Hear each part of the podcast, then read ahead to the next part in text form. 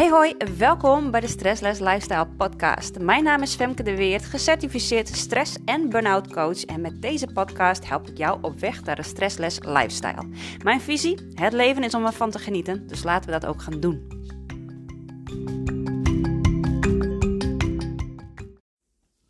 Hey hoi, hallo en welkom bij een nieuwe aflevering. Ik ga het vandaag hebben met je over Um, omgaan met vervelende mensen. We hebben natuurlijk allemaal wel vervelende mensen in onze omgeving. Um, nou ja, van die mensen die je dan irriteren of triggeren of boos maken. Um, en, en ja, dat is gewoon altijd lastig om mee om te gaan. Of mensen waarvan je uh, ervaart dat ze, dat ze de, nou ja, de dingen voor je willen bepalen. Uh, nou ja, misschien heb je in je, in je proces, in je burn-out proces ook wel uh, leidinggevenden waar je mee te maken hebt, uh, hè, waar je mee te maken hebt die graag weer willen dat je aan het werk uh, gaat. Hè, mensen die dingen van je moeten, van je willen.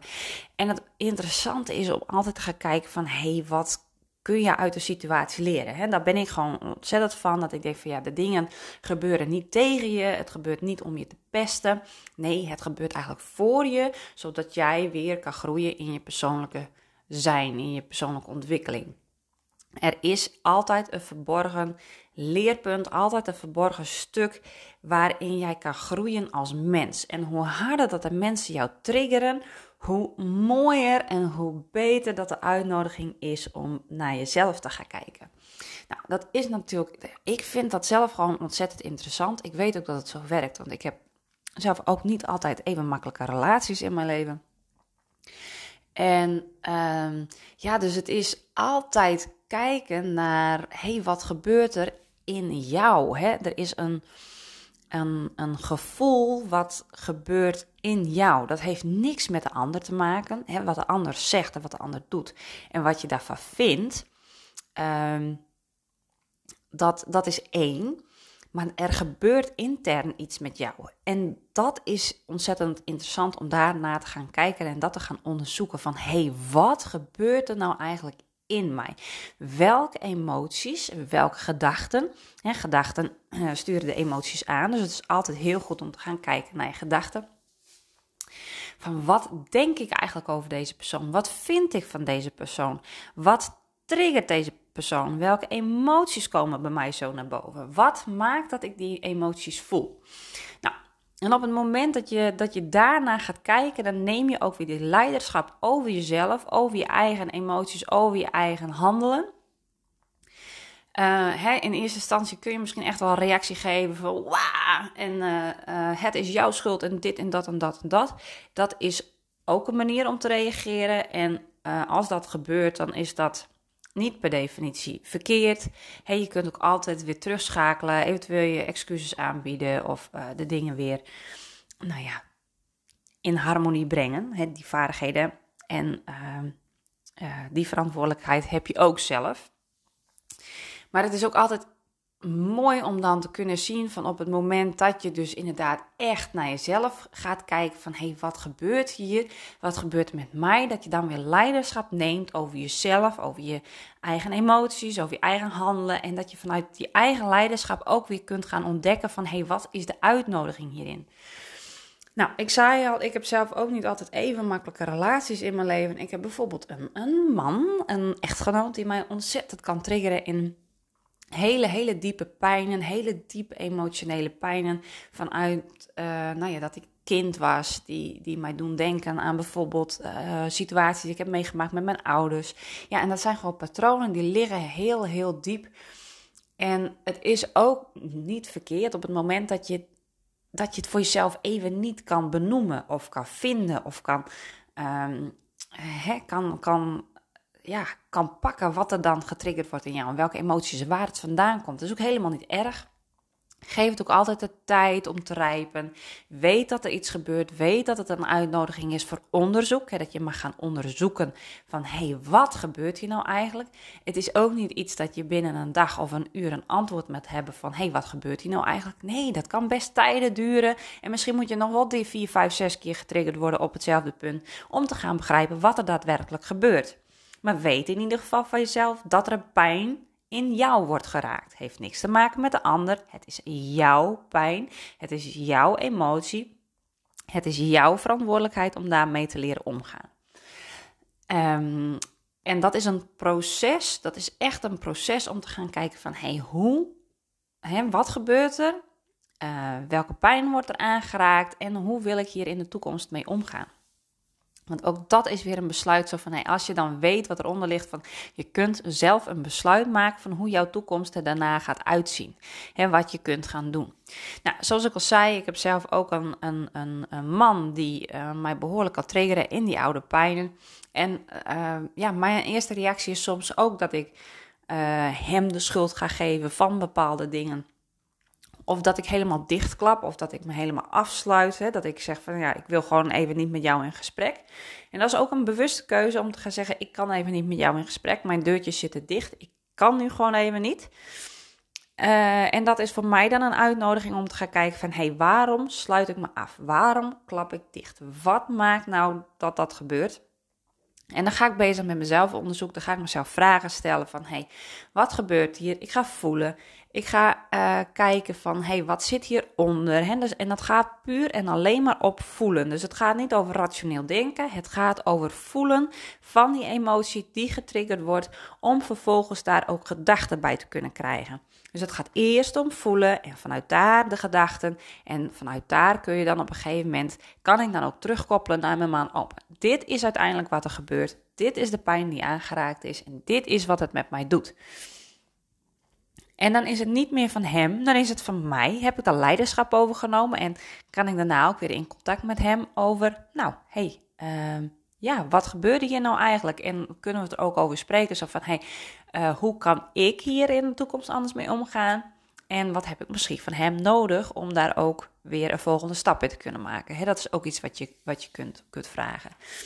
Nou, mijn man is niet de enige waar ik een, lastige relatie mee heb ervaren. Of tenminste, lastig, lastig. Uh, ik zie er tegenwoordig de humor wel van in, de sport er wel van in. Uh, maar een paar jaar geleden vond ik het gewoon echt ingewikkeld. Maar ik heb ook een ontzettend lastige relatie gehad met, met mijn eigen moeder. Uh, ook wel met tijd te wijlen met mijn eigen broer. die zijn er allebei niet meer. Maar ook daarin heb ik gewoon wel heel veel uitdagingen gehad om los te komen van bepaalde patronen, van bepaalde dingen. Ik ben een heel eigen gereid mens. Ik, uh, um, uh, als iets van mij goed voelt, dan doe ik dat. En dat gaat puur op gevoel en op intuïtie. En soms is dat gewoon ook niet te begrijpen voor andere mensen.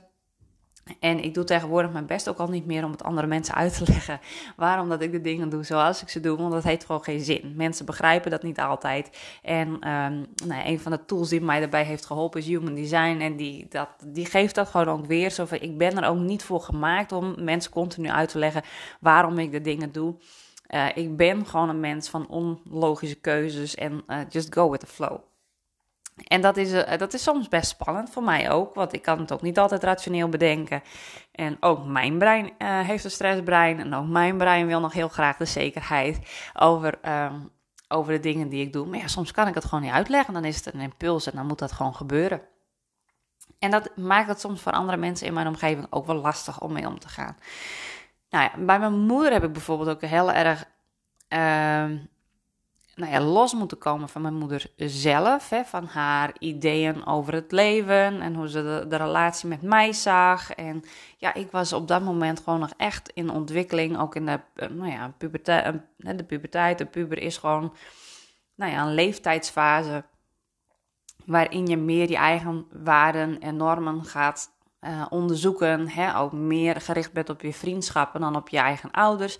Dat hoort er ook allemaal bij. En hè, je bent helemaal bezig met het ontwikkelen van je eigen identiteit. Nou ja, voor mij heeft dat, is dat best wel lang doorgegaan eigenlijk. Dat ik daar ook altijd wel mee bezig ben geweest. Eigenlijk vanaf, vanaf kinds af aan ben ik al continu bezig met zoeken en vinden van wie ben ik, wat wil ik. En, en hoe wil ik ook in het leven staan. Nou, dat, maakte soms ook best wel dat het met mijn moeder eens even botste. Want die had altijd wel een visie van: hey, dit is, uh, ik wil heel graag een, een, een leuke moeder-dochterrelatie. waarin we gaan shoppen en leuke dingen gaan doen. En nou, een beetje, beetje een vriendschap, zeg maar. Maar ja, voor mij was dat gewoon anders. En dat botste nog wel eens een keer. En daar heb ik ook zo mijn weg in moeten vinden. En daar heb ik ook mijn strijd voor geleverd. En natuurlijk toen niet met de. Met, met de inzichten die ik vandaag de dag heb. Maar het heeft mij toen ook al heel veel dingen gebracht. En heel veel dingen heeft het mij geleerd over, nou ja, over mijn eigen gereidheid. Over dat ik echt mijn eigen koers wil gaan varen, mijn eigen pad wil gaan bewandelen. Dus eigenlijk heeft dat er altijd al wel in gezeten. Nou, en vandaag de dag ben ik nog een stukje eigenwijzer. Maar wel vanuit een, vanuit een andere filosofie. En ook wetende dat dat gewoon bij mij hoort.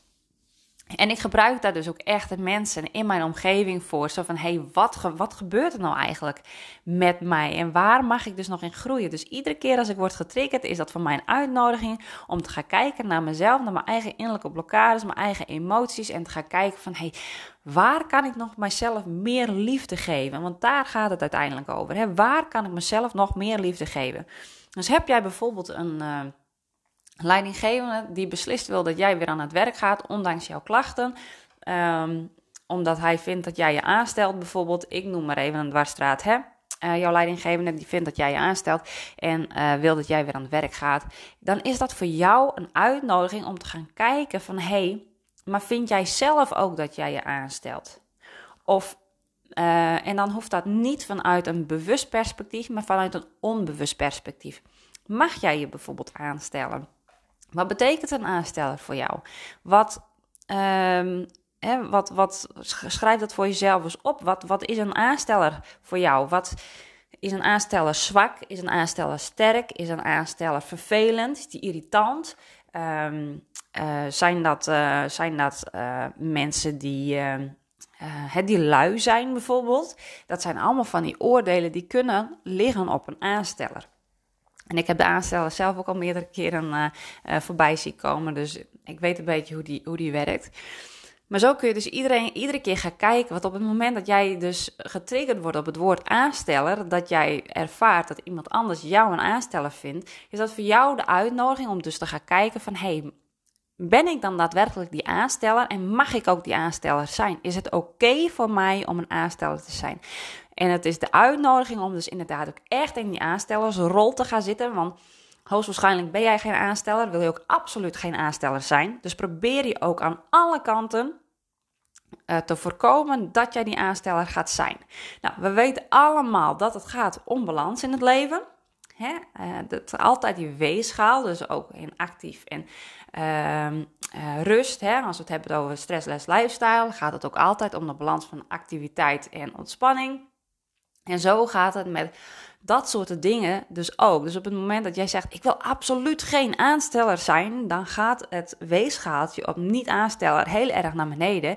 Terwijl de balans van de aansteller helemaal omhoog schiet. Dus jij bent gewoon niet in balans met jouw oordelen en jouw eh, comfort van het zijn van een aansteller. En zo kun je dat natuurlijk op heel veel, op eigenlijk ieder woord kun je daar een, een, een, eh, een balans in gaan vinden.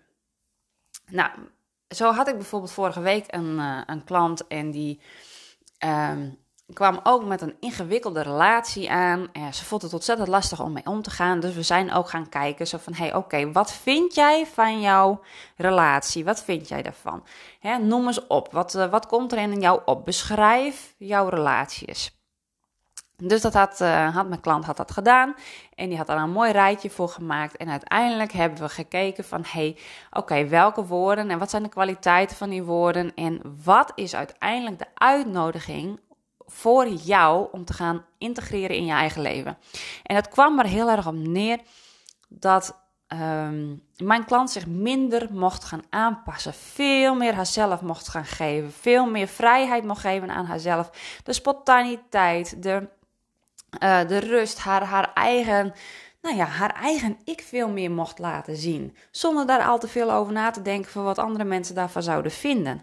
Dus dit is eigenlijk een hele mooie tool om te gaan ontdekken voor jezelf van hey, waar mag ik nog veel meer open in zijn? Waar mag ik, wat mag ik nog veel meer omarmen? En als je dan kijkt bijvoorbeeld naar de aansteller, wat betekent het om eens gewoon een keer lekker te kunnen gaan aanstellen. Ehm, ga daar gewoon ook eens lekker inzakken. Ga voor jezelf gewoon ervaren van hey, het is oké om je zo nu en dan eens even heerlijk aan te stellen. Je hoeft niet altijd maar door te douwen en door te gaan, want daar word je uiteindelijk ziek van.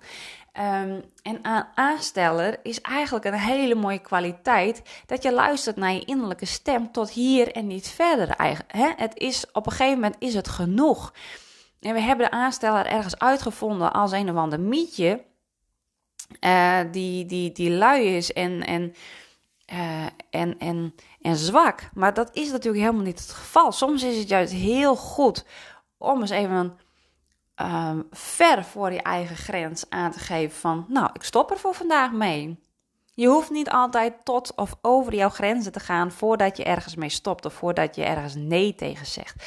Het is juist de uitnodiging om jouw grenzen dus beter te leren kennen. Jezelf beter te leren kennen. Dus beter te weten waar jij blij van wordt, wat jouw energie geeft um, en wat jij fijn vindt om te doen. In plaats van dat je iedere keer maar weer aan het doordouwen bent en over je grenzen heen gaan en de dingen die moeten. Het is een uitnodiging om veel meer in je eigen energie te stappen. In plaats van in die energie te blijven hangen van een ander die verwachtingen voor jou heeft. Dus het is ook een uitnodiging om veel meer te gaan kijken naar je eigen verwachtingen naar uh, wat jij wilt, wie jij bent. En als je dat kunt gaan omarmen, weet je, dan is een aansteller eigenlijk een hele mooie kwaliteit. Dat nodigt je uit om nou, meer bij jezelf te blijven. Ondanks wat een ander daarvan vindt. want dat is ook een stukje, we mogen echt af van het feit dat, anderen, dat wij ons laten leiden door de mening en de overtuiging van anderen. Want die mening en die overtuiging zegt helemaal niks over jou. Dat zegt alleen maar over die ander. want jij triggert dan een gevoel bij die ander. En dat is het werk van de ander. op het moment dat er iets bij jou wordt getriggerd, dan is het jouw werk. Maar als er iets wordt getriggerd bij de ander, is het de zijn werk. En zo hebben we allemaal onze processen te doorlopen. Dus op het moment dat iemand iets tegen jou zegt, ehm, omdat het zijn mening of overtuiging is, neem het niet meteen aan. Hè? Ga ook kijken, ja, maar dit is jouw stuk. Dus dit is niet van mij, dit is voor jou. Dus stop hem daar ook. En op het moment dat het iets bij jou triggert, dat je denkt van, oh, maar dit vind ik vervelend, dat dit, dat dit wordt gezegd, dan kun je bij jezelf te raden. Dus leer ook echt goed scheiden, wat is van de ander en wat is voor jou. En op deze manier, als je op deze manier met andere mensen om kunt gaan, met deze zienswijze, dat je elkaar altijd iets te brengen hebt. Dus je hebt altijd voer voor elkaar, hè? altijd persoonlijke groei voor elkaar. Um, nou ja, dan gaan relaties alleen maar leuk worden. En vooral ook relaties die triggeren, die gaan alleen maar leuk worden. Want je weet dat er altijd iets voor jou in zit wat je eruit kunt halen. En hoe mooi is dat als jij gewoon zo simpel een therapie kan volgen bij de mensen waar je mee omgaat. Dus je hoeft helemaal dan, nou ja, het scheelt je heel veel coachingskosten op een gegeven moment als je met deze manier, op deze manier met andere mensen om kan gaan. Maar goed, je moet wel even goed weten, kunnen voelen en ervaren hoe je daar dan ook op een juiste, adequate wijze mee omgaat. En de dingen ook echt voor jezelf kunt gaan integreren. want dat is uiteindelijk ook het doel. Het weten is leuk in je hoofd, in je mind, in je gedachten. Weten wat de dingen doen en wat, uh, wat jou triggert en waarom is heel leuk. Maar je moet het uiteindelijk gaan voelen. Je moet het echt gaan voelen. Het moet gebeuren in je lijf. Want als je het echt alleen maar in je hoofd doet, dan nou doe je het topje van de ijsberg. Hè? Ik weet niet of je de oefening kent, maar het topje van de ijsberg dat zit boven het water. En 95% van de ijsberg zit onder het water. Dat zie je niet. Dus je mind, als je de dingen weet vanuit je mind, dan doe je echt het topje. Uh, hè, die 5% van het topje, uh, dat is wat je mind doet. Maar de rest, dat gebeurt allemaal in je eigen lichaam. Dat gebeurt in je eigen cellen. Dus het is altijd heel belangrijk als je gewoon met jezelf bezig gaat, dat je het misschien eerst in je mind weet, maar dat je het ook erin, hè, dat je het ook integreert in je lichaam. Dat je juist met dat lichaam aan de gang gaat, want daar zit jouw echte heling. Daar zit dus gewoon echt jouw, nou ja, jouw, uh, ja, jouw herstelvermogen. Dat zit daar echt. Het zit, daar zit alle informatie die jouw leven ook kunnen veranderen. Het begint in je hoofd en het eindigt in je lichaam. Maar je moet ze wel allebei mee kunnen nemen. Want anders dan blijf je gewoon hangen in een, nou ja, in een illusiestukje. en verandert het niet daadwerkelijk. Dus weet dat voor jezelf. Ik hoop dat je dit gewoon weer een hele mooie, waardevolle podcast vindt. Waarin je dus, nou ja, waarin ik je gewoon echt tips heb gegeven over hoe jij de andere mensen in je omgeving kunt gebruiken als een spiegel, als het ware, voor jouw persoonlijke groei. En uh, nou ja, ik zie je gewoon heel graag weer bij de volgende aflevering. Hey, fijne dag nog.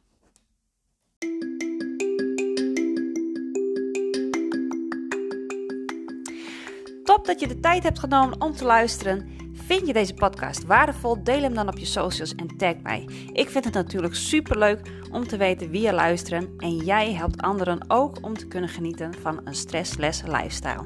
See you soon!